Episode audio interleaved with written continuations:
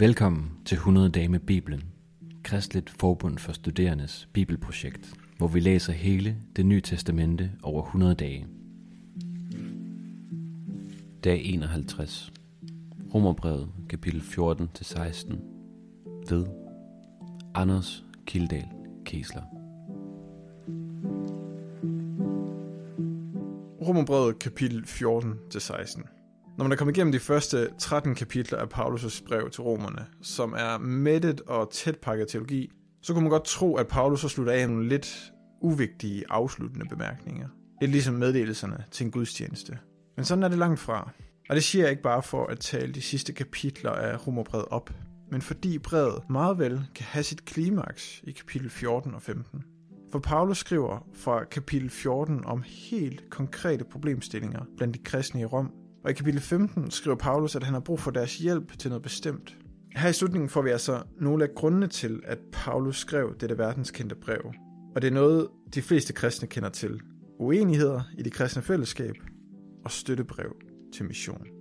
Sådan falder kapitel 14-16 i tre dele.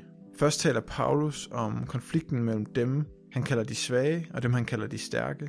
Så taler han i kapitel 15 om hans kald til at forkynde evangeliet i Spanien, og beder de kristne i Rom om at hjælpe ham. Og i kapitel 16 kommer han med en masse hilsner. Først handler det om konflikt blandt de kristne. Hvem er de svage og stærke, Paulus taler om? De svage er nok kristne med en jødisk baggrund, der holder fast i de jødiske spiseregler, og derfor var der nok nogle af dem, der kun spiste grøntsager for at undgå uren kød, svinekød eller kødoffer til afguder.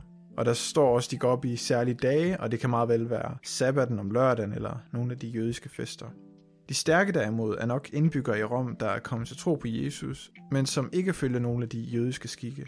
Så det, der skiller de svage og de stærke, er selvfølgelig ikke, om næste kærlighed er en god ting, eller om griskhed er dårligt.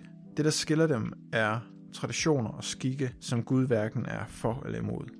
Hele kapitel 14 og lidt af kapitel 15 handler om, at Paulus han maler mellem de her to grupper. Og jeg synes, det er så smukt. For Paulus holder fast i evangeliets frihed.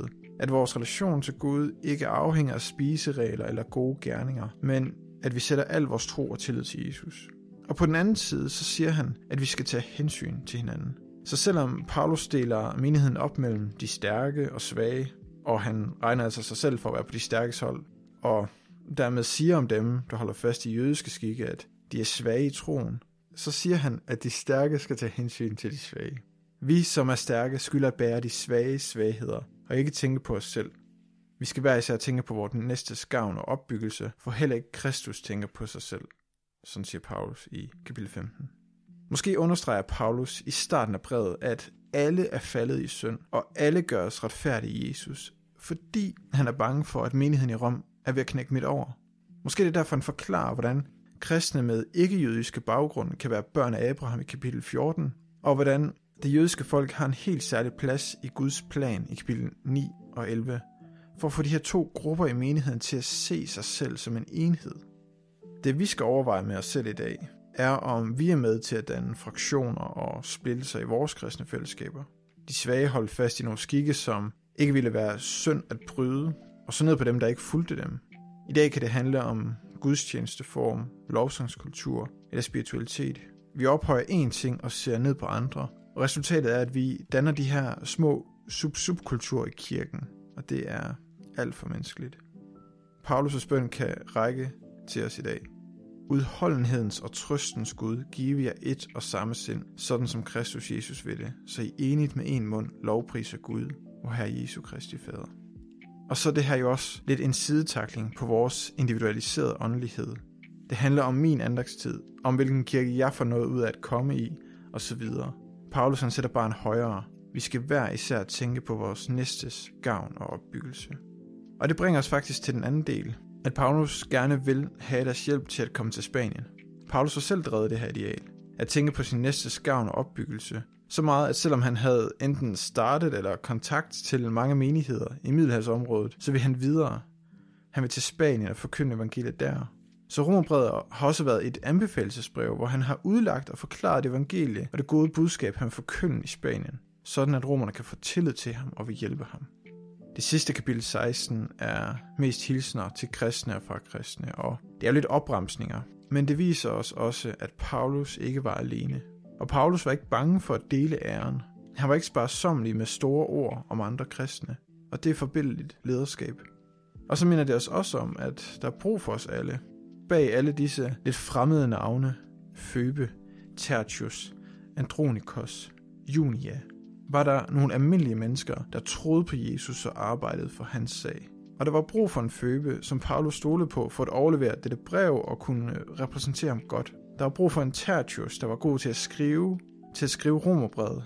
En, der kunne få mange ord ind på lidt pergament. Og sådan er der også brug for hver en af os. Vi har også en rolle at spille. Og det handler ikke bare om, at der er nogle gode præster og gode forkyndere.